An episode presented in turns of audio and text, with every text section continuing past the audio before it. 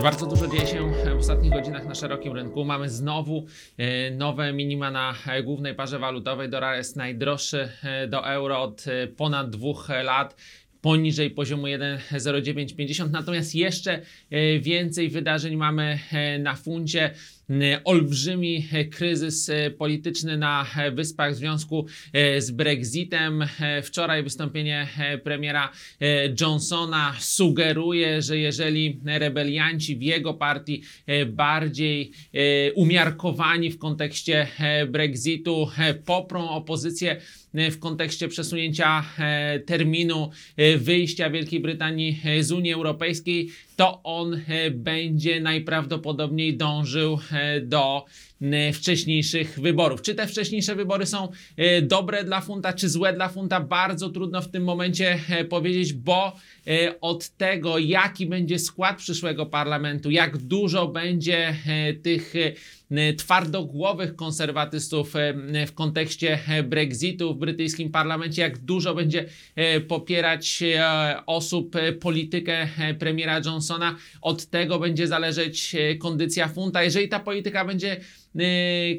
kontrowersyjna, konfrontacyjna, e, wtedy funt e, po wyborach dalej prawdopodobnie będzie e, tracił na wartości. Natomiast nawet jeżeli do tych wyborów nie dojdzie, nawet jeżeli parlamentowi uda się przejąć w jakimś stopniu kontrolę na, nad procesem Brexitu, to i tak po zawieszeniu parlamentu jego los też nie jest przesądzony. Nie widać, żeby premier Johnson cofał się w kontekście e, negocjacji e, z Unią Europejską. Nie widać e, z jego, e, z jego strony chęci porozumienia, także presja na funta może się utrzymywać praktycznie niezależnie od scenariusza. Jeżeli zaś chodzi o stricte sytuację na złotym, to ona od początku tygodnia jest względnie dobra, trochę pomagały lepsze od oczekiwań indek- indeksy PMI, trochę być może również pomaga taka dość napięta sytuacja poza naszym regionem, napięta sytuacja e, w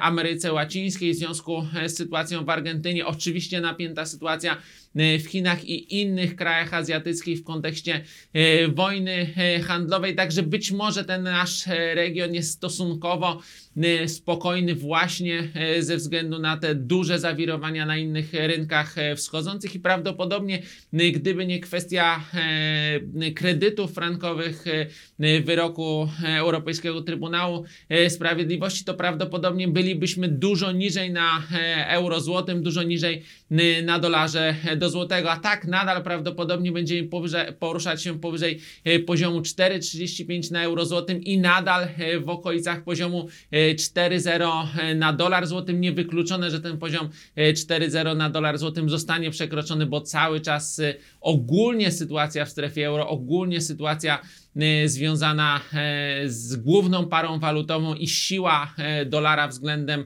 e, euro i innych e, walut w regionie jest wyraźna, więc to przekroczenie e, wcale, wcale nie jest e, wykluczone i to już w najbliższym czasie.